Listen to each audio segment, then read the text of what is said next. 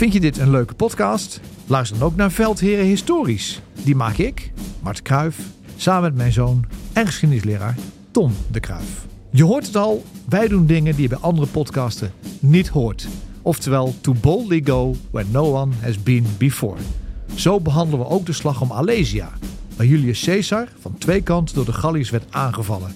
Hij zou zo'n 1 miljoen Galliërs hebben uitgemoord. En Asterix en Obelix klopt niet. Zeker, en zo bespreken we ook markante veldheren en legendarische veldslagen uit geschiedenis. Zo kom je bijvoorbeeld te leren waarom het jaar 1870 misschien wel het belangrijkste jaartal is in de geschiedenis. Luister dus Veldheren Historisch via Podimo. En als je je aanmeldt via podimo.nl slash dan luister je 30 dagen gratis. Koffietijd voor Mannen, de podcast waarin drie onbezonnen gasten je wekelijks een kijkje geven in hun zinderende studentenleven. We gaan geen onderwerp uit de weg en helpen je op het gebied van liefde, vriendschap en alle andere problemen die je tegenkomt tijdens je studentenleven. Beluister onze podcast iedere maandag om 3 uur in je favoriete podcast app. Kortie Media. Veldheren is een productie van Kortie Media en WPG Studios. De waarschuwing van de hoogste militair van de NAVO om klaar te zijn voor het onverwachte leidde tot een run op overlevingspakketten. Volgens NAVO-chef Jens Stoltenberg is er geen acuut gevaar voor een oorlog op eigen bodem. Maar deze week begon ook de grootste NAVO-oefening sinds de Koude Oorlog. 90.000 Europese militairen, waaronder 5.000 Nederlanders, oefenen voor een mogelijke oorlog. En we hebben vandaag een gast. De commandant van het geneeskundig commando Koninklijke Landmacht is hier. En hij vertelt wat we in Nederland kunnen leren van het gevecht in Oekraïne. Mijn naam is Jos de Groot en naast mij zitten als altijd generaals buitendienst Peter van Um en Mart de Kruif. Bij Veldheren Extra op Vriend van de Show doen we elke week een ronde luisteraarsvragen. Je vindt hem via vriendvandeshow.nl slash veldheren. Gaan we beginnen. Henry Bloemendaal, welkom. Uh, je bent, zoals ik net al zei, commandant van het geneeskundige commando van de landmacht. Voor de niet-militairen onder ons, daar ben ik de enige van hier aan tafel samen met ons technicus. Wat doe je dan precies? Ja, het geneeskundig commando binnen de landmacht is uh, opgericht om sturing te geven aan het gereedstellen van de operationele gezondheidszorg op het moment dat die moet worden ingezet, bijvoorbeeld in een grootschalig conflict. En, en, hoe ziet dat er heel praktisch uit? Heel praktisch betekent dat je verantwoordelijk bent voor het moment dat de mensen gewond raken, totdat iemand helemaal terug eh, is gebracht naar Nederland en alle fases die die daartussen heeft moeten doorlopen. Ja, en uh, je hebt ervaring met missies in Irak, Bosnië, Afghanistan. Wat deed je daar voornamelijk? Mijn eerste uitzending in 91 deed ik daadwerkelijk geneeskundige zorg. Heb ik in een Zweeds veldhospitaal gewerkt in, uh, in de Golfoorlog. Uh, daar behandelden we IRK's krijgsgevangenen. En uiteindelijk ben ik zeg maar die zorg als behandelaar ontgroeid.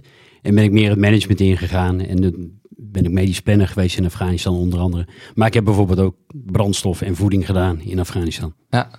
En, en, en wat zie je dan zoal voorbij komen? Uh, je bedoelt qua gewonden? Ja.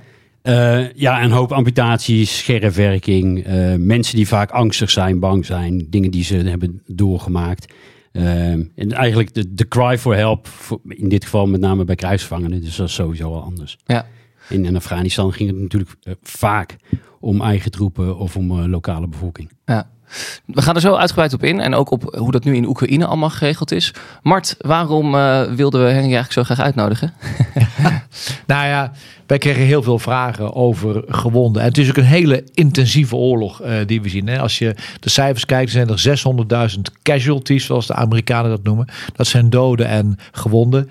En het is wel interessant om eens te onderzoeken, wat betekent dat dan? Uh, hoe word je verzorgd? Wat voor soort verwondingen zien we? Hoe zit die keten aan beide kanten in elkaar? En eigenlijk ook, wat is de waarde van een mensenleven aan beide kanten? Hoe ga je daarmee om? Hoe is die zorg nou georganiseerd? Nou ja, en dan kunnen Peter en ik er wel wat van vinden. Maar het is best om gewoon vakmensen even binnen te halen. Eens? Ja, volledig eens. Uh, ja, zomaar een voorbeeld. Uh, in Afghanistan uh, werd ik gevraagd om in het nieuwe Rol 3 hospitaal van ons te komen. Was echt spiksplinter nieuw. En Rol 3, daar zitten echt zo'n beetje alle medische capaciteiten in. En voor de mensen even te voor te stellen, er was een team uit Beverwijk. Dat waren dus gewoon reservisten, maar die als militair daar optreden. En die zeiden tegen mij, nou generaal, hebben we nog nooit gezien. Een plafond wat de hele eh, lucht afzuigt. Want die, dat noemen ze vuile patiënten komen daar binnen. Eh, ze hadden lampen boven de operatietafel die het rood uit het bloed halen. Zodat de chirurgen beter konden zien eh, wa- wa- wat ze aan het doen waren. En toen werd mij ook gevraagd van, nou, wilt u, we zijn in de operatiekamer hiernaast bezig. Wilt, wilt u even meekomen? En, ehm, nou, natuurlijk. Dus ik in dat eh, pak gehezen en daar naar binnen. En daar waren ze dus eh, chirurgen uit eh, Canada en Amerika. Die waren bezig aan een meervoudig gewonde Canadese militair. Eentje zat aan zijn hoofd en de andere zat aan zijn baak. En nou, dat vind ik heel indrukwekkend. En dan het, eh, het rare is, die mannen begonnen bij mij, eh, die chirurgen begonnen bij mij te praten oh, eigenlijk over koetjes en kalfjes. Hmm. En daar ging er bij mij in eerste instantie totaal niet in. Ja. Ik denk, je moet opletten, je bent hier gewoon een mens aan het redden. Ja, eh, maar dan langzamerhand kwam bij mij het besef van, ja, dit doen ze dus iedere dag. Ja. We gaan er in het tweede deel van deze podcast uitgebreid over praten. Eerst de actualiteit. Je moet water in huis hebben, een radio op batterijen en een zaklantaarn die op batterijen werkt, zodat je de eerste 36 uur kunt overleven. Dat zei Rob Bauer, de hoogste militair van de NAVO, Nederlander. Ehm, en het maakte nogal wat los. Op social media gingen heel veel stellingen rond, zoals: Ben jij ready als er een oorlog uitbreekt? We zien het ook terug in de luisteraarsvragen die we ontvangen. We horen het terug in de theaterzalen waar we op het moment staan. Mensen maken zich ook wel een beetje zorgen naar al dit soort uitspraken. Ja, nou dat is terecht. Ja. Maar, zeg ik er meteen bij, we moeten niet overdrijven. En eh, de NAVO-secretaris-generaal heeft ook eh, gezegd, zoals jij net zei, Jos, Jens eh, Stoltenberg. Ja, ehm, eh, zo dringend is het ook weer niet. Ehm, ik denk niet dat we nu op de, op de doorstep staan van een, een derde wereldoorlog. Maar als we ons niet voorbereiden, dan werkt de afschrikking ook niet. En dan komt die wel dichterbij. Dus in die zin ja, heeft men wel degelijk een punt. We zullen als samenleving, niet alleen als individu en jou thuis, maar als samenleving zullen we ons beter moeten voorbereiden. En hebben we een aantal dingen in het verleden echt laten vallen, die we weer rap eh, voor elkaar moeten zien te krijgen. Kijk, het is helemaal niet slecht om wat weerbaarder te worden als maatschappij. En is, ik zou altijd een beetje water thuis hebben en een gasbrandertje. Want je zult maar 24 uur geen stroom hebben. Dan schieten we allemaal zwaar in eh, de stress. Eh, als je dat soort dingen hebt, maak je veel geruster. Eh, maar Is het zo erg in de Achterhoek? Eh, Nou, en, eh, de Achterhoek hebben we nog water, maak daar geen zorgen. En we hebben noberschap, dus dat lukt wel. Maar je zult maar achterhoog wonen in Amsterdam. Ja, dan heb je wel een probleem natuurlijk. Eh, maar er komt natuurlijk nog iets eh, eh, bij. Weerbaar is ook een mentaal iets. Is dat je ook rekening houdt met het feit dat niet altijd alles mee zit. Ja. Hè, dus om met Herman Vinkers te zeggen... misschien moeten we allemaal even de les omgaan met tegenslagen bezoeken. Maar het is wel een En, soort raar grijs gebied tussen weerbaarheid en angst. Want, want eh, ja, hoe zoek je die balans dan op? Ja, ik ben geen eh, eh, psycholoog, maar als je goed nadenkt, dan denken wij dat we in een maakbare wereld leven. En ik Ja. denk dat technologie daaraan meewerkt. En dat we alles kunnen maken, alles kunnen sturen, alles kunnen controleren en in een foutloze wereld kunnen leven. En elke keer als dat beeld wordt verstoord, heeft dat impact op ons. En waarschijnlijk meer impact dan het vroeger had. Want het matcht niet met het beeld van haalbaarheid en maakbaarheid. Ja, en dan zijn we een beetje van het rolletje af. Nou, daar zijn militairen wel goed in om mensen weer terug te brengen naar het rolletje. Eh, maar je moet wel in de context zien. En de context is, de Russen gaan net niet morgen aanvallen, ook overmorgen niet. Maar je voorbereid is nooit slecht. Ik heb al tegen onze militairen gezegd van angst is helemaal niet erg. Angst is een normaal fenomeen. Dat heeft ieder mens. Het gaat erom, hoe ga je ermee om? En als angst jouw leven gaat beheersen en jouw beslissingen gaat beheersen, dan is het niet goed. Ja, maar leer gewoon met die angst omgaan. En Hm. eh, eh, denk vooral ook met, met, met je zorgen na over wat, wat kan ik doen? Wat kan ik bijdragen? Maar eh, ja, dat je angst hebt, daar moet je niet raar van opkijken.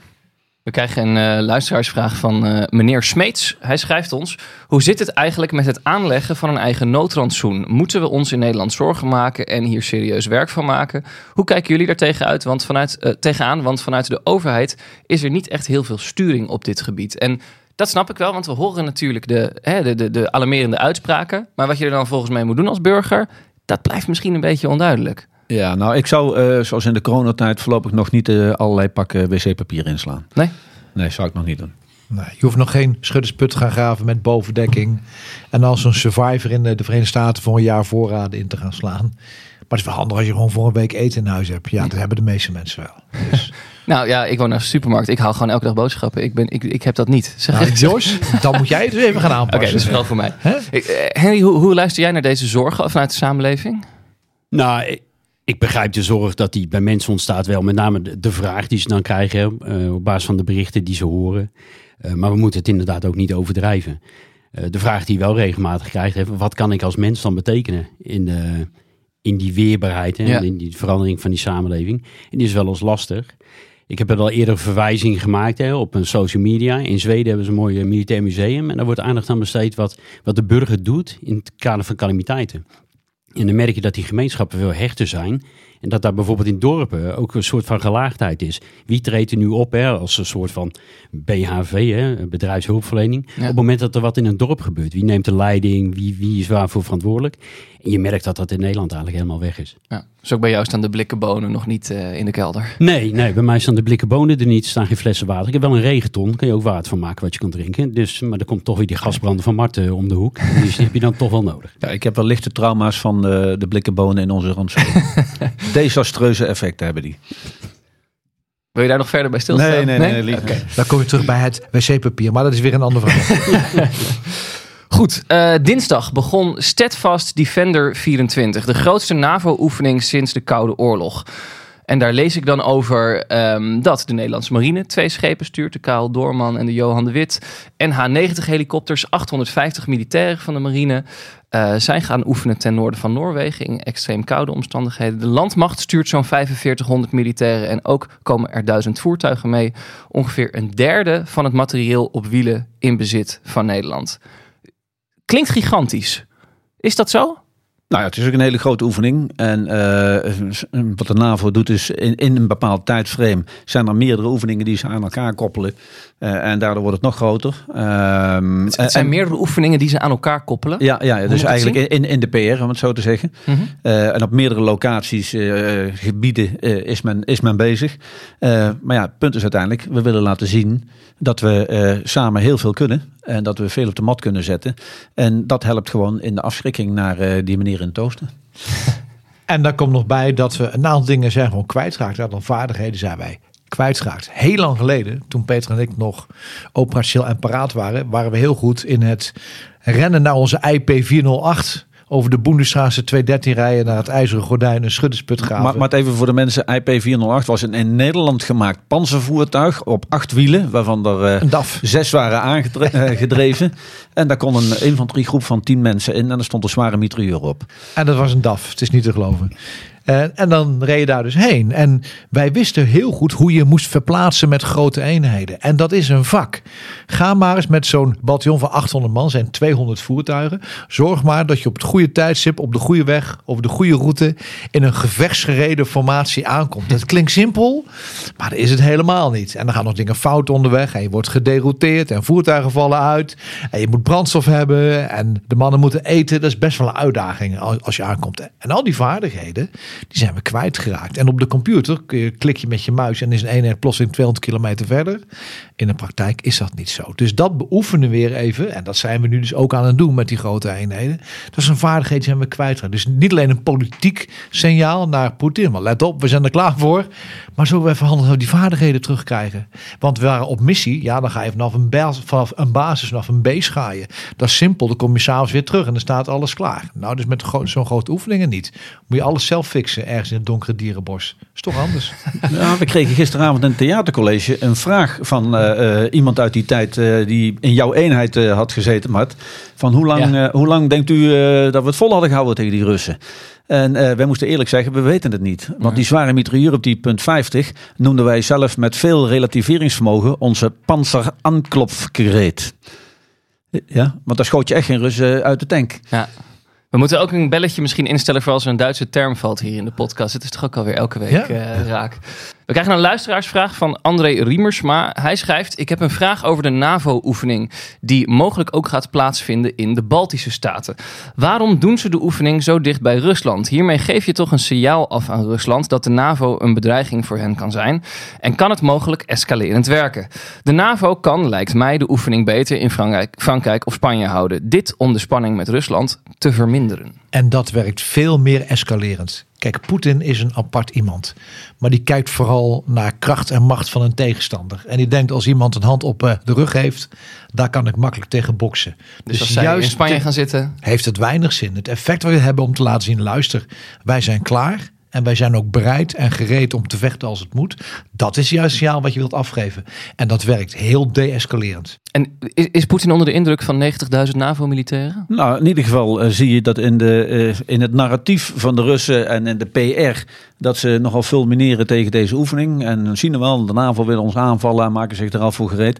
Dus natuurlijk maken ze er eh, een mooi broodje aap van... eh, wat in Rusland natuurlijk best wel, wel landt.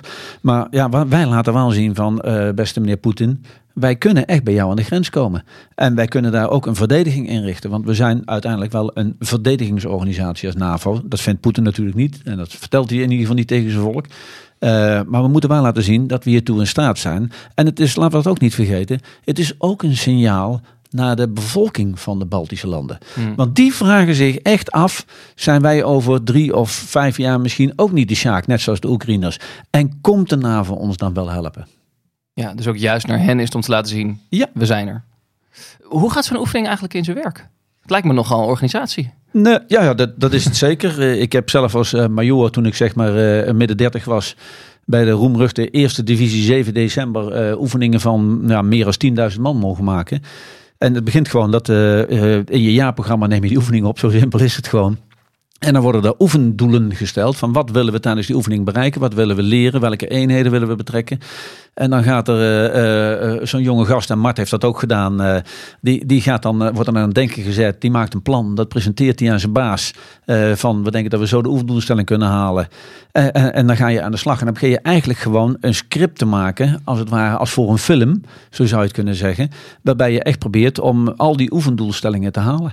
En ja, eh, wij, wij zeiden in die tijd altijd, eh, de oefeningen die ik maakte, dat het er 9900 waren. We zeiden nooit dat er meer dan 10.000 waren, want dat was voor de Duitsers een psychologische grens. Eh, maar we namen echt meer dan 10.000 man eh, mee die kant op. En dan eh, liet je ze dus echt eh, ja, tegen elkaar in het spel vechten, om het zo maar te zeggen. Ja, en het andere alternatief is, dan heb je geen troepen. Dan- Dat je dus gewoon alleen maar op een kaart of in een computer speelt. En dan heb je geen troepen nodig, alleen de staven. Ja, en, en, en dat vechten, ik denk dat heel veel mensen zich daar niet echt een voorstelling bij kunnen maken. Want het lijkt me niet dat er ongelooflijk veel militairen zouden moeten sneuvelen of gewond moeten raken bij een oefening. Nou, hoe, nee, hoe, hoe, hoe, hoe, hoe simuleer je dat? Nou ja, dat zijn er twee methodes voor. Vroeger had je scheidsrechters die met een witte armband met hun kennis in het voortrein liepen. En die keken hoe een eh, eenheid had opgetreden of was gecamoufleerd. eh, of ze het goede stuk terrein hadden bezet. En dan zei de ene, jij hebt gewonnen en jij moet 500 meter terug. Dat was simpel. Maar tegenwoordig heb ik hele moderne technieken. Je hebt oefentreinen in Duitsland liggen. Waar je eigenlijk een soort uitgebreide lasergame hebt. En met die laser kun je eigenlijk oefenen alsof het echt is. Dan kun je artillerie simuleren. Je kunt tanks simuleren. Je kunt infanterie simuleren. Je kunt gewonden simuleren. Het is ook een gewondenspel. Hoort er allemaal bij. En dat is eigenlijk net echt. En dat wordt ook allemaal opgenomen. Dus vanuit de ruimte met satellieten kun je dat volgen. Er wordt video opgenomen. Het radioverkeer wordt opgenomen. Dus je kunt niet zeggen: Ja, ik heb die vijand wel aanzien komen, hoor, maar ik deed niks. Nee, dan start ze even de video in. En dan zie je dat de vijand langs jouw tank rijdt. En je hebt niks gedaan. Dus dat is heel confronterend, maar ook een fantastische leermethode. Dus het is, soms is het high-tech. Maar voor die grote oefeningen, waar Peter en ik het ook over, die hele grote oefeningen, waarvan ik bedoel om staven te gaan trainen.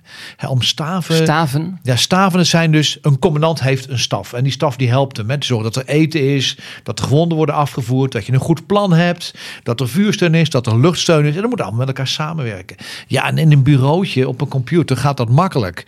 Maar als je dat moet doen in het terrein en je moet nog om de drie, vier uur moet je gaan springen, zoals ze het noemen, naar een andere plek. Want dan ben je waarschijnlijk uitgepeld, dus je moet eens gaan bewegen ook. Ja, dan wordt het echt anders. Dus jouw commandanten, ook als ze hoger worden in rang, confronteren met keuzes die ze moeten maken en hoe ze hun eenheden in tijd en ruimte op de goede plek hebben, dat is wel een uitdaging hoor. Ma- Mart gebruikte een woord wat misschien voor de niet-militaire luisteraars een beetje raar is. Gewondenspel. Misschien Henry, kun jij even uitleggen wat het gewondenspel is? Ja, dat kan ik zeker. Kijk, die, in de, eh, de grotere oefeningen ga je naar het systeem kijken. En dan ga je niet meer naar het individueel handelen kijken. Iemand raakt gewond en die moet uiteindelijk behandeld worden. Nou, als je dat één op één doet, dan kan je dat eigenlijk heel makkelijk oefenen. Dan kunnen we hier ook de plekken bij wijze van spreken doen. Maar als je dat daadwerkelijk die gewonden door het systeem, en ik riep het net al een keer, wil halen, dan moet je heel veel meer doen. Nou, Mart had het net al over tijd-ruimtefactoren. Als je een gewonde laat vallen in het front, die door zijn maatje wordt geholpen, moet uiteindelijk worden weggehaald. En die wordt weggehaald door iemand van de geneeskundige dienst met een panzervoertuig. Die wordt krijgt vervolgbehandeling. En die maakt stapjes naar achteren. Die komt langs een arts. En misschien moet hij wel ergens een keer een operatiekamer op waar hij door een chirurg wordt behandeld. Dat is de Nou, keten nu. Dat is de hè? keten, ja. En die keten die moet continu aansluiten. Want die gewonde moet terug tot het moment dat hij misschien terug naar het front kan. Hè, dat hij weer goed genoeg is, want dat kan natuurlijk ook. Of hij moet uiteindelijk helemaal terug naar Nederland. Maar ik zou een voorbeeld noemen, zo'n veldhospitaal... waar dan die chirurg zorg kan leveren, daadwerkelijk. Ja, dat duurt bijna drie dagen om zo'n veldhospitaal op te bouwen in tenten. Als je dan hebt over tijd-ruimtefactoren... dan moet dat ziekenhuis er dus staan, bij wijze van spreken... voordat het gevecht plaats gaat vinden. Ja. Dat moet je wel allemaal plannen. En op een computer is dat makkelijk, want dan roep je D-3, staat het hospitaal er. Ik noem een, een, een, een, sorry, een voorbeeldje. Maar real life staat natuurlijk heel anders. Want die man is in drie dagen aan het bouwen. En dan komen die gewonden binnen. Die oefengewonden in de oefening. Maar dan zijn ze wel afgemat. Want dan hebben ze drie dagen gebouwd. En dan moeten ze nog aan het werk. Dat soort dingen kan je alleen maar oefenen in de praktijk. Dat kan je niet doen eh, van achter een computer. Nee. Het gaat dus niet om dat je met oefengewonden die individuele vaardigheden van die chirurg probeert te beoefenen. Want dan kan hij veel beter doen in Nederland, in een ziekenhuis, waar ze dagdagelijks werken. Ja. Doet jouw geneeskundig commando mee aan die grote NAVO-oefening? Nee, de geneeskundige dienst neemt wel deel aan deze oefening. In, in delen, het werd net al geroepen. Het is een samenstelling van een aantal oefeningen die aaneengesloten zijn en onder een grote paraplu worden weggezet nu in de media. Ja, ze doen mee. Het geneeskundig commando kijkt mee. En we proberen de lessen uit te halen waar we in de ontwikkeling van de geneeskundige dienst wat mee kunnen. Want de ervaringen, tijd, ruimtefactoren, et cetera, die moeten we eigenlijk weer herontdekken in het grootschalig conflict. Ehm, voor we naar eh, Oekraïne gaan en uitgebreid gaan praten over hoe ze daar omgaan hè, met die gewonden. Uh, Mart, jij wilde ook nog even stilstaan met een bericht uit eh, Gaza. Want daar werden 21 Israëlische militairen gedood bij een explosie. Eigenlijk de grootste slag die Hamas aan Israël toebrengt tot nu toe. Zo heb ik het in ieder geval eh, Ja, gelezen. De vraag is of Hamas die Ja, heeft dat is meteen toegebracht. Te snel natuurlijk. Want uit, uit de bronnen die ik heb, blijkt dat er wat anders is eh, gebeurd. Eh, Israëlische tanks, en dan komt misschien straks nog even terug als we drones hebben, die hebben zelfbeschermingssystemen die automatisch afgaan. En als je wordt belaagd door een raket. eh, dan zijn er van die systemen die een soort tegenexplosie maken voordat de raket de tank raakt. Dus die exploderen waardoor de raket uit zijn baan gaat, niet meer effectief is en de tank niet kan raken. Maar dat betekent dat er een explosie is op en rond die tank. En het schijnt dat die explosie, dat noemen we reactive armor, dat die explosie ertoe heeft geleid dat er spontane andere explosies zijn gegaan. En dat daardoor die explosieven die waren geplaatst in het geval om het op te blazen, te vroeg zijn afgegaan. En daar die gebouwen zijn ingestort. Ja, we hebben daar een eh, woord voor, een mooi woord, een sympathische detonatie voor de liefhebbers. En, en ik dacht, dit gaat natuurlijk ook effect hebben op het draagvlak in Israël voor die operatie. Ja, ik denk dat eh, dit, zeker in de samenleving eh, eh, iets gaat doen. Er zijn al meer dan 200 eh, Israëlische militairen gedood. Dat, maar iedere dag zijn het er een paar. En, en ja, dat, dat hoort bij de oorlog. Om, dat klinkt heel kil, maar, maar zo is het wel. En, en de samenleving kan dat dragen. Maar als er opeens zo'n aantal, eh, dan, dan heeft dat gewoon impact in de samenleving. Je ziet ook meteen dat Netanyahu heeft geroepen van we gaan een onderzoek doen. Nou, dat, dat, het feit dat hij een onderzoek doet, zou al kunnen hinten op het feit dat er dus meer aan de hand is dan alleen maar een actie van de tegenstander. Ja, en dan zeg ik het er nog maar even bij. Al dit werk van de Israëlische krijgsmacht heeft er volgens internationale bronnen nu toe geleid dat ze 20 tot 30 procent van de capaciteit van Hamas hebben uitgeschakeld. Ja, en dan zijn we al meer dan 100 dagen onderweg. Ja. Gaan we naar het front in Oekraïne. Peter, wat zie jij op dit moment gebeuren aan, aan ontwikkelingen aan die frontlijn? Ja, ik zie toch dat eh, eigenlijk al wekenlang de Russen als een soort packmannetje eh dan 50 meter, dan 100 meter, soms 400 meter eh, op, op verschillende plekken in het front pakken. Dat betekent dus toch dat de Oekraïners het moeilijk hebben om de Russen tegen te houden met al die, of veelal die mannetjes die naar voren lopen met alleen maar een Kalashnikov in hun handen. We zien ook nu wel eh, verhalen dat eh, Russen op sommige plekken nog steeds panzervoertuigen en tanks inzetten. Maar daar betalen ze duur voor. Eh, de laatste dagen bij Afdika zo'n eh 40 gevechtsvoertuigen en tanks kwijt. Ehm, in, eh, dan zoek ik even eh, bij Luhansk, waar ze ook dik 10 eh, gevechtsvoertuigen en 10 tanks eh, kwijt. Je ziet nu ook signalen komen dat de Russen hun mensen naar voren brengen met die voertuigen. Ze vlak bij het front afzetten en met die voertuigen onmiddellijk weer teruggaan. Want ze durven met de voertuigen niet dicht bij het front komen, want ze krijgen onmiddellijk drones achter zich aan. Maar het vreemde is dat bij Krinky, daar bij die Dnieper, Dnieper sorry, de Oekraïnse term, de Dnipro, ja, dat, dat ze daar juist hem geen voertuigen meer inzetten. Dus het is heel moeilijk. En ik ben ook wel benieuwd hoe Henry dadelijk duidt. Want ja, we hebben een keten waarbij je ook met voertuigen gewonden van het slagveld afhaalt. Ja. ja en ik ben benieuwd of de Russen dat nog wat doen. Dus ik ben zeer benieuwd dadelijk naar wat Henry daarvan heeft te zeggen. Ja, ander bericht van deze week. Hè, gaat zo'n filmpje rond, meerdere filmpjes van speelgoedsdrones. Of echt kleine drones met springstof erop. Wat, wat gebeurt er precies? Ja, kijk, drones is natuurlijk een nieuw middel en een super effectief middel. Zeker omdat uh, gewoon die kleinere drones kosten eigenlijk niks. En als je er slim mee omgaat, kun je daar een lading onder hangen en daarmee kun je jouw tegenstander aangrijpen. Maar het is goed dat we drones even in context plaatsen als historicus hier in uh, dit forum. Het eerste is, in de geschiedenis heb je altijd nieuwe wapens die voor een tijdelijke schok zorgen. We hadden de mitrailleuze in de oorlog van 1870. Dat noemen we toen de mitrailleur. Toen erachter kwamen dat veel te veel mensen doodgingen door dat ding. We hadden de tank in de Eerste Wereldoorlog. En natuurlijk het vliegtuig wat toen kwam en is doorontwikkeld. En je ziet altijd dat een technologische ontwikkeling wordt gevolgd door een tegentechnologische ontwikkeling. Dus je ziet nu heel veel counter-drones systemen worden ontwikkeld. Dus je moet oppassen om iets absoluut als verandering weg te zetten. Maar een mhm. drone is natuurlijk een fenomenaal middel, omdat je in grote massa goedkoop kunt uh, produceren. Maar nou, onze... de, de, commandant der strijdkrachten zei deze week in Nieuwsuur dat we nu zien in Oekraïne dat goedkope drones dure tanks uitschakelen. Is dat zo? Ik vind dat niet zo'n verstandige uitspraak. Nee? Om het netjes te zeggen. Want uh, uh, A, let op wat je allemaal ziet heel veel beelden die we zien op Reddit en andere worden uh, gemanipuleerd door computer generated imagery noemen ze dat. Je kunt alles met artificial intelligence kun je nabootsen. Dat is één. Het tweede is een gewone drone, een klein droontje met een laadonder schakelt een tank niet uit. Het kan misschien een tank beschadigen, maar dat is anders dan een tank uitschakelen. En het derde is, we zien bijvoorbeeld bij Israëlische tanks, bij de Merkava, dat die zelfverdedigingssysteem heeft ook tegen drones. Die automatisch drones kan uitschakelen die daar in de buurt komen. Dus ik vind het een beetje een onverstandige opmerking, want het lijkt net alsof tanks dan geen waarde meer hebben. En wat zien we gebeuren aan het front en in de Gaza?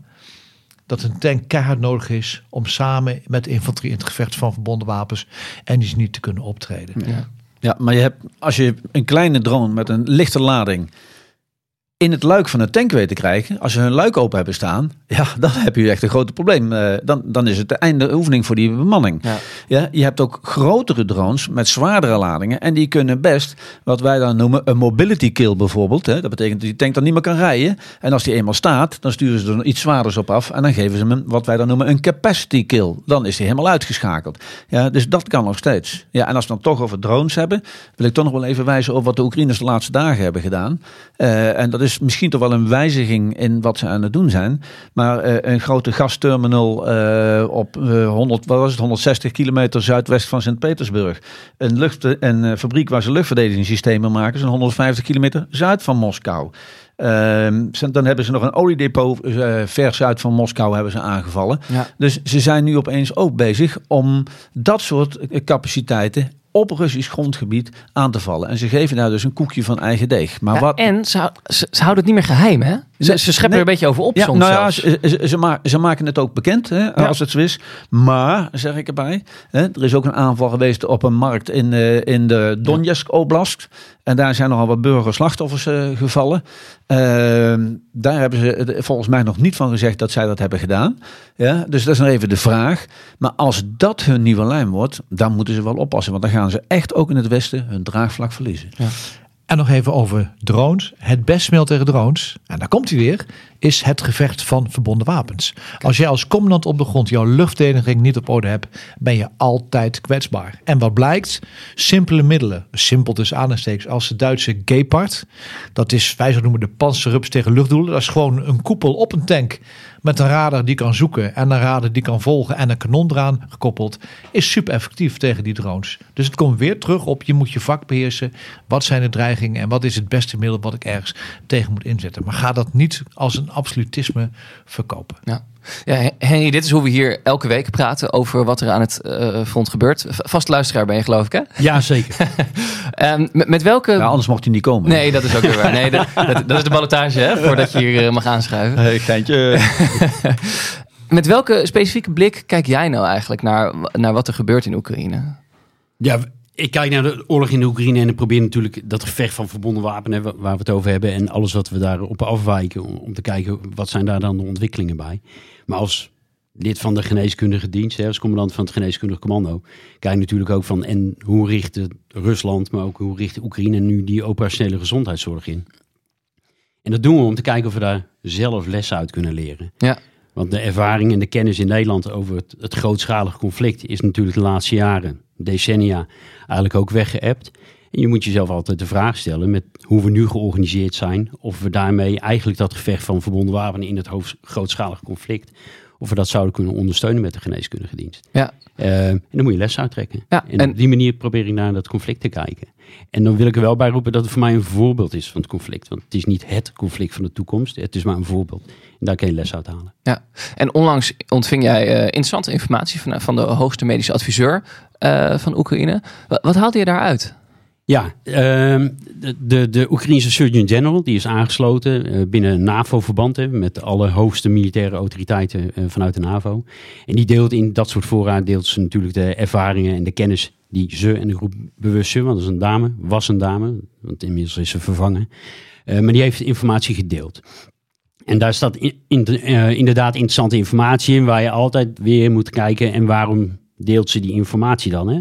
Deelt ze die omdat dat echte getallen zijn? Of deelt ze dit omdat het aansluit met de NAVO-berekeningen, hoe wij het inrichten? Eh, dus daar kan altijd een boodschap Dat is meteen een belletje dat gaat rinkelen bij jou. Van even Ja. kijken van hoe moet ik deze informatie op waarde schatten. Ja, en eh, bijvoorbeeld ja, als we dan kijken naar de verhoudingen tussen eh, doden en gewonden. in de eerste dagen met name van de oorlog. Dat sluit naadloos aan bij alle NATO-berekeningen die we hebben. Ja, en is dat dan zo? Of is dat handig? Omdat je kan laten zien dat je dus heel makkelijk kan aansluiten bij de NATO-ontwikkeling. Omdat Ja. wij hetzelfde eh, denken. Eh, maar er staat ook heel veel in over de kwaliteit van zorg. Mhm. Wat, wat konden de Oekraïners nu in het begin van de oorlog en wat kunnen ze nu? Hoe hebben ze het ingeregeld? En dan merk je dat we daar als Westen al heel snel lessen uit konden leren. Want de, de medische kennis op laag niveau in Oekraïne was in het begin gewoon niet goed. Ehm, daar zijn we op gaan eh, investeren door Mhm. Oekraïnse militairen op te leiden. Onder andere in zelfhulp, kameradenhulp. Maar ook in de niveaus daarboven. Als commandant geneeskundige neventaak, zoals we dat En, noemen. en zelfhulp, kameradenhulp, ik, ik sla er maar meteen op aan. Dat, Ja. dat is hoe, hoe goed je dat gewoon zelf kan doen. Misschien nog zonder dat Ja. er een geneeskundige specialist bij je in de Ja, buurt is. Stel, jij zou een aardappel schillen en je snijdt jezelf in je vinger. Ja, Wat doe je dan? ik plak er een pleister op, denk ik. Zelfhulp. Stel dat je dat niet meer kan, omdat je duizelig wordt, whatever. Aha. Wie doet het dan? Ja, nou als ik alleen thuis ben, dan weet ik het niet zo goed. Nou, oké. Da- dan wordt het inderdaad lastig. Maar stel je hebt een partner en Ja, die precies, partner ja. zou je helpen, dan heb je kameradenhulp. Ja, ja, Weet je, op die manier moet je dat eigenlijk... Eigenlijk is het de eerste opvang. En wat we wel leren in de Oekraïne is dat die eerste opvang, die is echt essentieel. Want bijna 60% van de mensen die daar overlijden in de loopgraven gaat dood binnen de eerste 10 minuten. Door bijvoorbeeld scherdewerking, waardoor grootschalige bloedingen ontstaan, maar niet tijdig op gereageerd kan worden. Als je die cijfers van de Oekraïne ook interpreteert, dan roepen ze op een gegeven moment iedereen die in die keten, hè, die geneeskundige keten Ja. belandt, dan is het overlevingskans is wel heel erg groot. Ja, dat klopt. Maar dan moet je wel in maar die dan moet keten wel komen. in die keten komen. Ja. En er zijn dus een heleboel die die keten niet eens inkomen, omdat ze vroegtijdig overlijden. Want, even om het heel praktisch te maken. Stel, eh, je staat daar in de loopgraven in Oekraïne.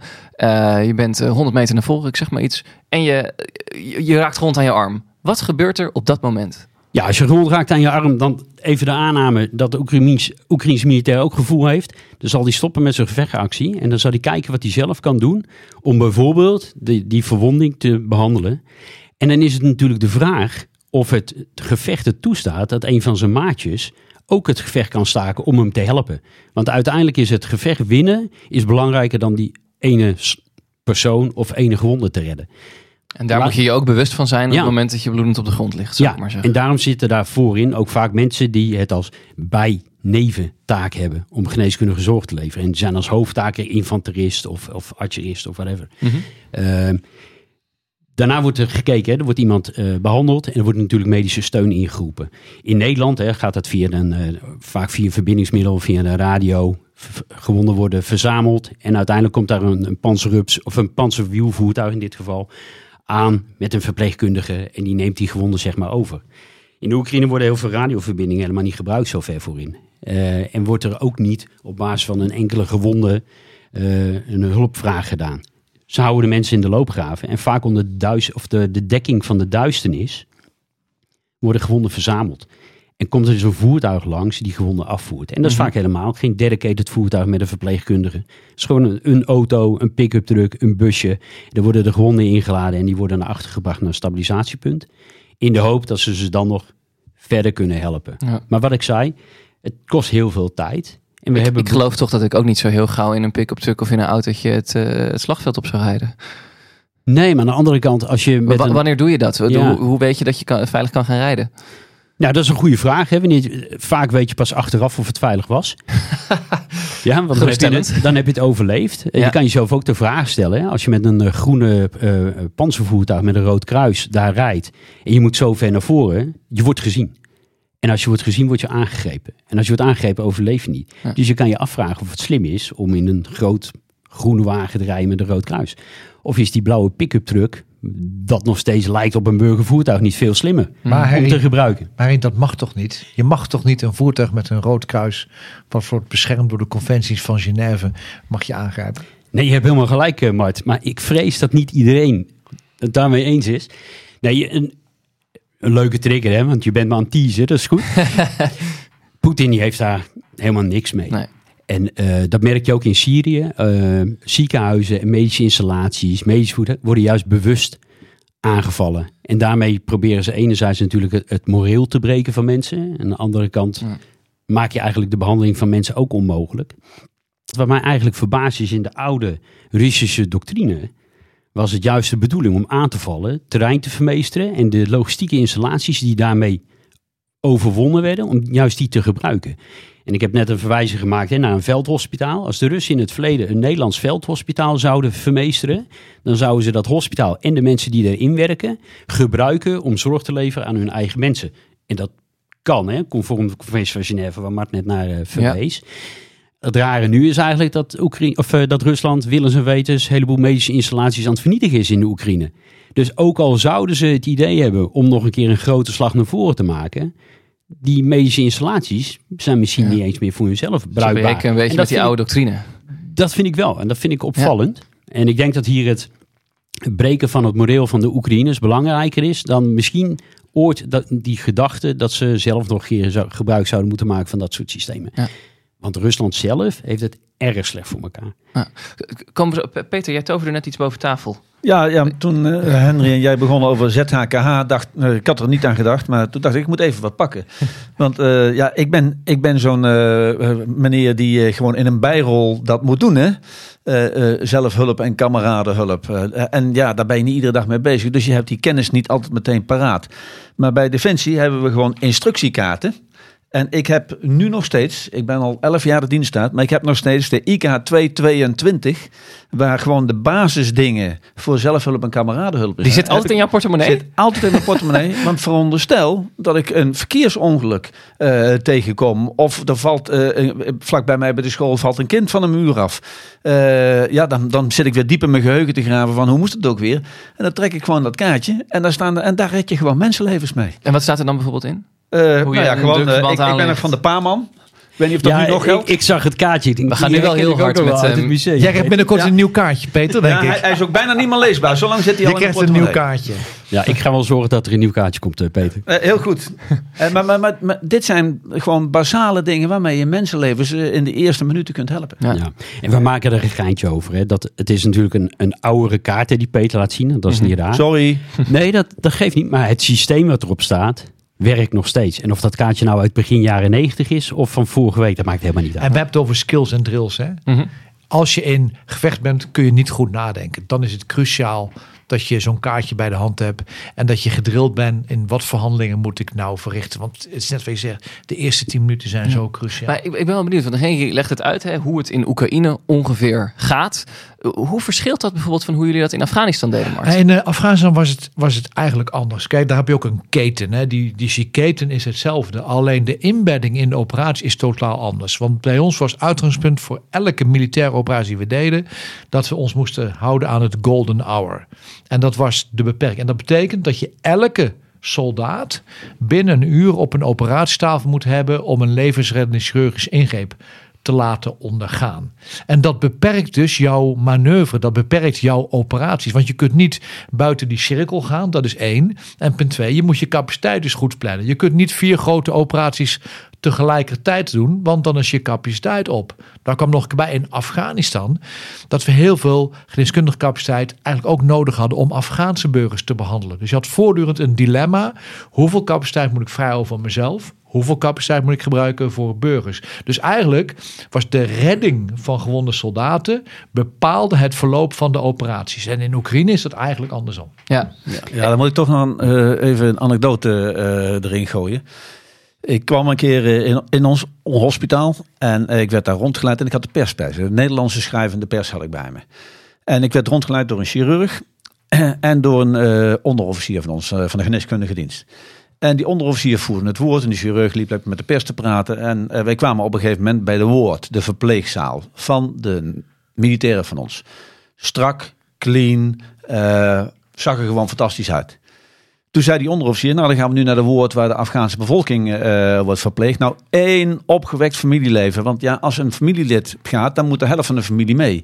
Dus dat was maar prima. En terwijl die jongen aan het uitleggen is, zegt hij tegen de pers die achter mij staat van... Ja, onze chirurgen die experimenteren af en toe wel op de Afghaanse burgers. Nou, mijn, mm. mijn nekspieren die verstrakten allemaal. Ik denk, wat doe je nou? De chirurg komt aanlopen, die verblikt of verbloost niet en legt aan de pers uit. Ja, uh, dames en heren, uh, wat de sergeant 1 uh, bedoelt, is dat in Afghanistan, als wij onze militairen op de operatietafel hebben, dan kijken we echt en maken we keuzes tussen leven en ledemaatreddende handelingen. En amputeren we op een gegeven moment. Bij de Afghaanse bevolking maken we andere keuzes. Want we weten dat als je iemand een amputatie geeft, dan kunnen wij hem wel oplappen en weer helemaal gezond maken. Maar als hij teruggaat in de Afghaanse samenleving, is de overlevingskans voor iemand met een amputatie heel erg klein. Dus we gaan daar veel verder met het proberen te behouden van ledematen. En mhm. lopen daar dan dus ook wat meer risico mee. Maar uiteindelijk is de kans op overleven voor die patiënten groter. Nou, mijn nekspieren ontspannen langzaam. Ja, En er is nog een uh, verschil, sorry Harry, maar even heel kort. In Afghanistan had je ook een internationale keten. We hadden 24 landen waar de chirurg uit Singapore, bloed van de Britse bloedbank, uh, Canadese, wat Peter zegt, uh, chirurgisch teams, Nederlandse chirurgisch teams. En dan werken dus alle NATO-protocollen, zorgen dat het allemaal op elkaar werkt. En het is fascinerend om te zien hoe iedereen zo gemotiveerd in die keten over de grenzen van zijn eigen land heen kan samenwerken. Fris niet, de gros van de Nederlandse gewonde soldaten is afgevoerd met Amerikaanse helikopters. Ja, en maar, maar, dat vind ik interessant, want inderdaad in Afghanistan uh, werden helikopters ingezet om gewonden op te halen. Waarom doen ze dat? doen ze niet in Oekraïne, toch? Nee, en dat is een van de nuanceringen die ik wilde maken hè, op het verhaal net van Peter en uh, van Mart. Uh, in Afghanistan na gewond raken was er heel snel Medivac Aero, Medivac beschikbaar. En daarmee konden we ook die tijdseisen, die Mart net schetste. Medical evacuation uh, via de lucht. Ja, ik vertaal het even. Ja, Heel, heel, goed. Maar we hadden luchtoverwicht. Dus we konden die helikopters gewoon gebruiken.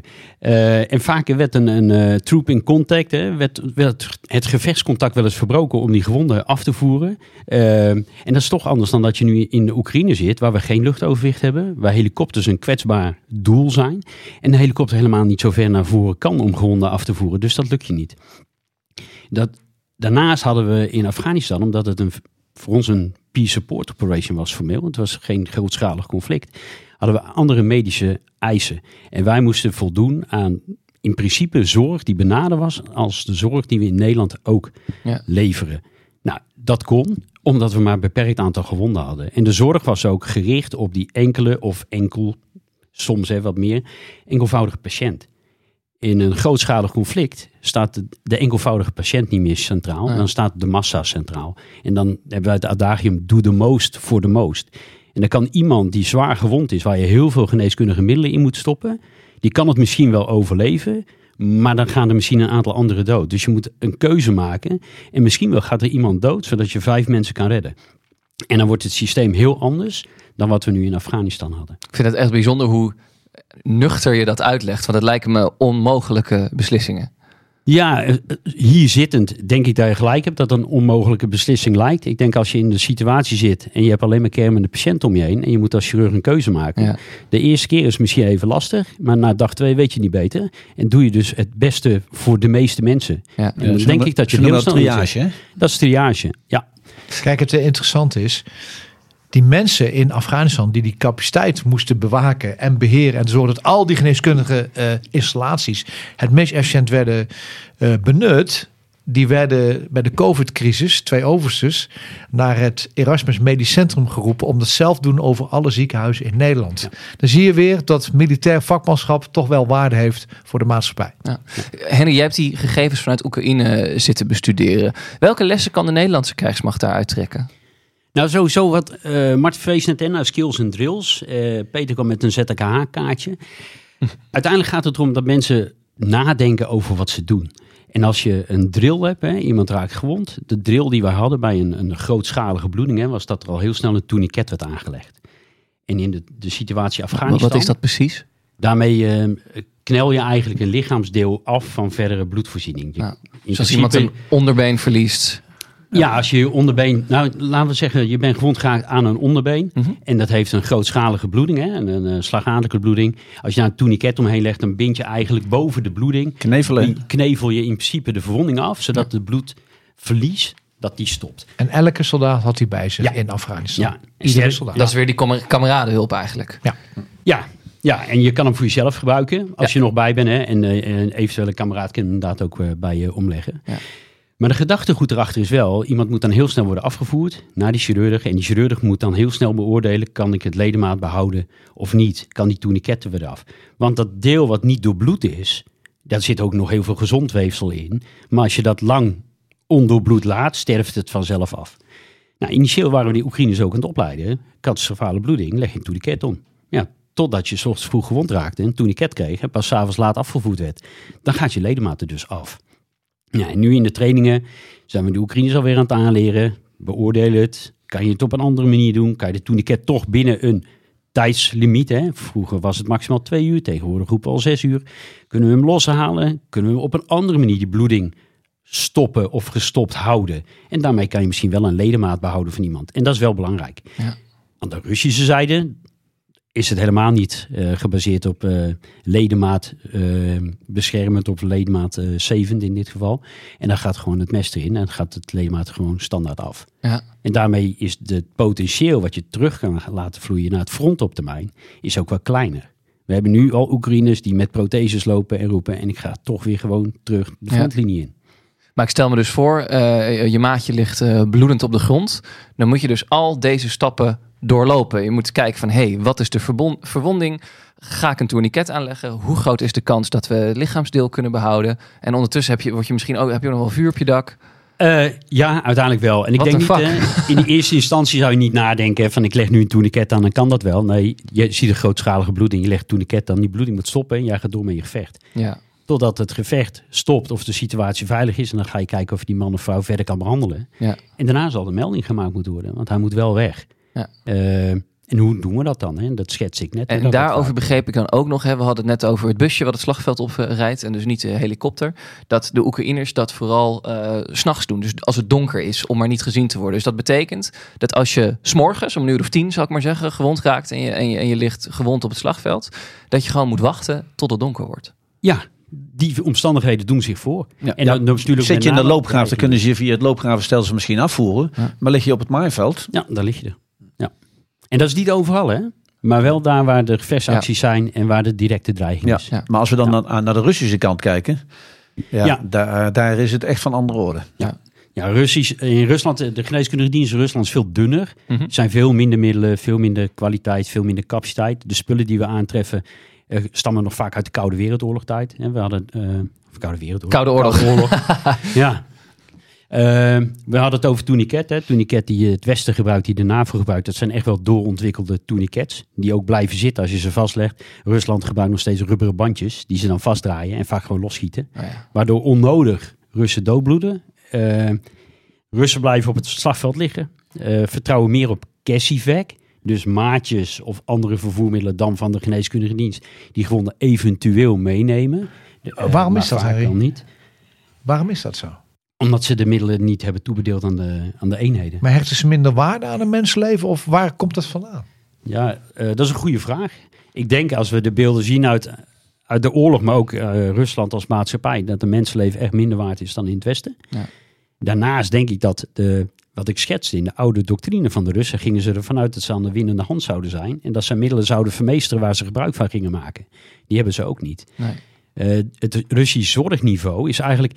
Als we het Nederlandse zorgniveau eh, niveau zouden pakken en we pakken die keten en je legt de Russische keten eroverheen, dan lijkt het wel of ze net overal een stap minder zijn. Waar wij een arts hebben zitten, hebben zij een verpleegkundige. En dat, dat loopt zo omhoog. Voor ons is dat heel goed, voor onze mensen is dat heel goed. Wij, wij, wij kunnen kwaliteit leveren. Aan de andere kant, hoe hoger de kwaliteitseisen, hoe moeilijker het is om je mensen te werven en je organisatie te vullen. Henry, ik wil met jou nog- met die woorden nog even terugkomen op die oproep van Rob Bauer van de NAVO. Hoe kunnen we ons voorbereiden op het onverwachte als het gaat om die geneeskundige blik waarmee jij kijkt naar die conflicten in de wereld? Ja, ja dan wil ik een vergelijking maken als het mag hè, met eh, Mag. de, de brand eh, toen eh, in een café Het Hemeltje. In Volendam was dat. Ja. nou, hè? Er waren een hoop mensen met brandwonden uiteindelijk behandeld moesten worden. En daar zag je dat we dat eigenlijk niet eens weer allemaal in Nederland konden opvangen. Dat moest zelfs al naar België, om, eh, omdat we gewoon de capaciteit niet meer hebben. Het Nederlands zorgsysteem, hè, ondanks dat het ongelooflijk veel geld kost, is natuurlijk ingericht op basis van efficiëntie. Alleen als we met grote aantallen gewonden te maken gaan krijgen, dan geldt efficiëntie niet meer. Dan moet je effectief worden. Nou, in het verleden hadden we de, de eh, ZOBO-organisatie binnen de NAVO, maar het begint al te lachen. Heel goed. Eh, Wa- waarom is dat grappig? Zobo doet me denken aan asfalt wat je niet hoort. Maar dit zal wel anders zijn, Harry. ja. Nee, dit was eh, eigenlijk een afspraak die NATO had met, eh, met eh, eh, landen en met ziekenhuizen. Om gewoon letterlijk verpleegafdelingen op ziekenhuizen in te richten en leeg te laten. Die werden niet gebruikt en die werden alleen maar gebruikt op het moment dat we in conflict zouden komen en we zouden grote aantallen gewonden krijgen. Dat is in een, in, een, in een bedrijf, zoals de zorginstellingen vaak zijn, is het natuurlijk helemaal niet efficiënt om lege afdelingen aan te houden voor het geval dat er ooit wat gebeurt. Dus dat is allemaal verdwenen. Wat we nu wel hebben gedaan, we hebben met een veertiental relatieziekenhuizen afspraken gemaakt. Wij leveren medisch personeel aan jullie. Jullie leveren medisch personeel in een reservistenconstructie aan ons terug. En jullie verbinden je aan het feit dat als we ooit in conflict komen en we hebben grote aantallen gewonden, dan houden we jullie eraan dat jullie een x aantal gewonden gaan opnemen. Maar dan hebben we het over tientallen. Dan hebben we het niet over honderden. Ja. En uiteindelijk moet dat natuurlijk meer worden. En dat soort vraagstellingen, dat soort contracten, maken bij mij eh, onderdeel uit van hoe richt je je als organisatie en als samenleving nou in dat je dit soort klappen kan opvangen. Maar we hebben toch ook een calamiteitenziekenhuis? Ja, we hebben in Utrecht hebben we inderdaad het Calamiteitenhospitaal. Dat is een samenwerkingsverband tussen het Militair Hospitaal en het eh Utrechts Medisch Centrum. Eh, het Calamiteitenhospitaal, die, dat is er in vredestijd voor ons eh, om eh, bijvoorbeeld als er een vliegtuig neerstort en we hebben grote aantallen gewonnen om daar opvang te doen. Alleen dat is geen ziekenhuis wat is ingericht om langdurig mensen op te vangen en daar te behandelen. Het is even een tussenstation waar we ze opvangen en daarna moeten we ze spreiden. Dus dat landelijk coördinatiecentrum patiëntenspreiding, wat is opgericht hè, met militaire inbreng tijdens de, eh, de COVID-periode, Ja. dat bestaat nog steeds.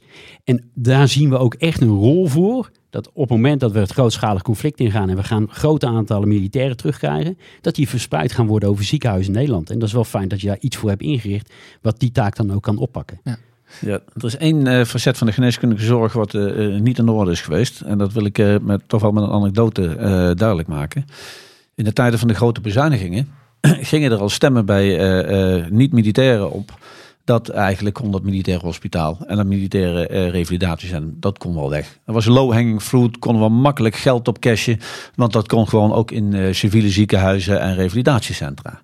Nou, daar heb ik me echt enorm tegen verzet.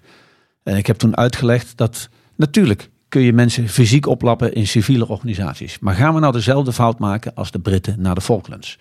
Want de gewonden die toen terugkwamen werden in civiele De, de hospitalen. Falklandoorlog. Ja, de, Ja. de, de, Ja. Falklandoorlog. Ja, 1982. Ja. En die werden dus in civiele hospitalen neergelegd tussen burgerpatiënten. die zeiden, wat heb jij eigenlijk gedaan, jongen? Eh, eh, ja. We kunnen die mensen de- in die ziekenhuizen oplappen. Maar we hebben artsen, chirurgen, verpleegkundigen, therapeuten nodig... die begrijpen wat er in dat militaire vak gebeurt. Want het gaat niet alleen om het fysiek weer goed in hun vel hebben van onze gewonden. Het gaat er ook om dat we ze mentaal en geestelijk helpen. En daarom zullen we die disciplines ook altijd in onze eigen gereedschapskist moeten hebben zitten. En moet iedereen, wat mij betreft, met zijn tengels ervan afblijven. Hey, eh, Henry, jij bent in oktober vorig jaar begonnen als commandant geneeskundig commando. Waar hoop je over een jaar te staan? Ja, nou over een jaar vind ik op zich wel heel korte termijn gedacht Ja? hoor. Want ja, ik moet zeggen, ondanks dat de wil er is om te veranderen, eh, gaan de processen niet altijd zo snel als we zelf willen. En dat, Verrassend. ja, en dat is natuurlijk hè, dus deels zelf opgelegde regelgevingen, afspraken die, die we hebben gemaakt, maar Ja. ook na- nationaal en internationaal. En, en Henry's gedrevenheid. Ja, misschien ligt het daar ook wel aan. Nee, ik, ik zou eigenlijk verder willen kijken en dat denk ik een jaar of vijf. En ik zou het fijn vinden als we in ieder geval die operationele keten, die operationele gezondheidszorgketen, dat we daar alle plannen voor kunnen gaan realiseren om die keten echt daadwerkelijk weer te sluiten. En al die tekorten die we nu zien hè, in de keten, dat we die kunnen opvangen. Want er wordt zo vaak geroepen, wij dicteren eh, niet de maat van de muziek hè, in oorlogstijd. En ik ga met Mart mee dat hij roept hè, dat Rusland echt niet morgen of overmorgen eh, binnenkomt. Maar er wordt openlijk geroepen, stel dat dat conflict wel binnen nu en vijf jaar gaat ontstaan. Ja, dan, dan laten we dan zorgen dat we er klaar voor zijn. En laten we het niet uitstellen, maar laten we nu dan eh, het werk oppakken. En proberen die reparatieslag door te maken. Nou, eh, over vijf jaar eh, maken we de balans op. Ja, ik heb eh, tegen onze politieke bazen altijd gezegd dat eh, het zwaarste eh, besluit wat ze moeten nemen, de grootste verantwoordelijkheid die ze hebben, is militaire inzet. En je hoeft aan ons militairen geen opdracht te geven. Jij bent de democratisch gekozen regering. Als je ons vraagt, dan doen we het. Maar de Britten noemen dat you sent them in harm's way. Zij riskeren hun leven omdat jij dat vraagt. En de besluit nemen is één kant, maar de andere kant van de medaille is dat je ook zorgt dat als ze weer terugkomen, dat ze dan ook weer gezond van lijf en leden zijn en van geest. En eh, daar moet je je dus op prepareren. Henry, mag ik je bedanken voor je inzicht. Ik vond het echt super interessant. Dankjewel dat je wilde langskomen in onze studio hier in Nijmegen. Graag gedaan. Dankjewel. Eh heren, nog heel even kort. Volgende week praten we natuurlijk weer verder. Waar gaan jullie eh, op letten? Nou ja, ik ben eh, zeer benieuwd eh, hoe het in, eh, in Gaza verder gaat. Er zijn nu van beide kanten kreten over hoe kunnen we tot een, iets als een wapenstilstand komen. Van beide kanten zijn er eisen die door de andere kant nooit geaccepteerd zullen worden. Dus ik ben wel benieuwd hoe, hoe dat verder gaat. Ik ben benieuwd hoe de Israëli's uiteindelijk ze zeggen dat ze eh, ja, minder gaan intensiveren, ze minder gaan doen. Ik ben ook benieuwd hoe dat gaat lopen. Dus daar kijk ik met name naar. Ja, blijf alles volgen. En ik ga wachten op het nieuwe ZKH-kaartje van Henry. En dat uit mijn hoofd leren. Mag ik nog even één keer, wat is die afkorting nou precies? Zelfhulp, kameradenhulp. Helder, hij staat genoteerd. Ehm, Henry, nogmaals dank voor je, voor je komst. Dit was eh Veldheren voor deze week. Mijn naam is Jos de Groot. Naast mij zitten zoals altijd generaals buitendienst Peter van Um en Mart de Kuif. En vandaag dus ook commandant Henry Bloemendaal. Dankjewel. Bij Veldheren Extra op vriendvandeshow.nl slash Veldheren gaan we nog even door en beantwoorden we meer vragen van luisteraars. Bijvoorbeeld die van Jasper. Hij vraagt... Is het in de huidige tijd überhaupt nog mogelijk om een land te veroveren met conventionele wapens? Dus geen massavernietigingswapens als beide partijen relatief groot zijn? Of zal er dan altijd naar non-conventionele wapens gegrepen moeten worden om tot een totale overwinning te komen? Nou, wil je weten wat Peter en Marta over zeggen? Luister dan naar Veldheren Extra via vriendvandeshow.nl slash Veldheren. En anders heel graag tot volgende week.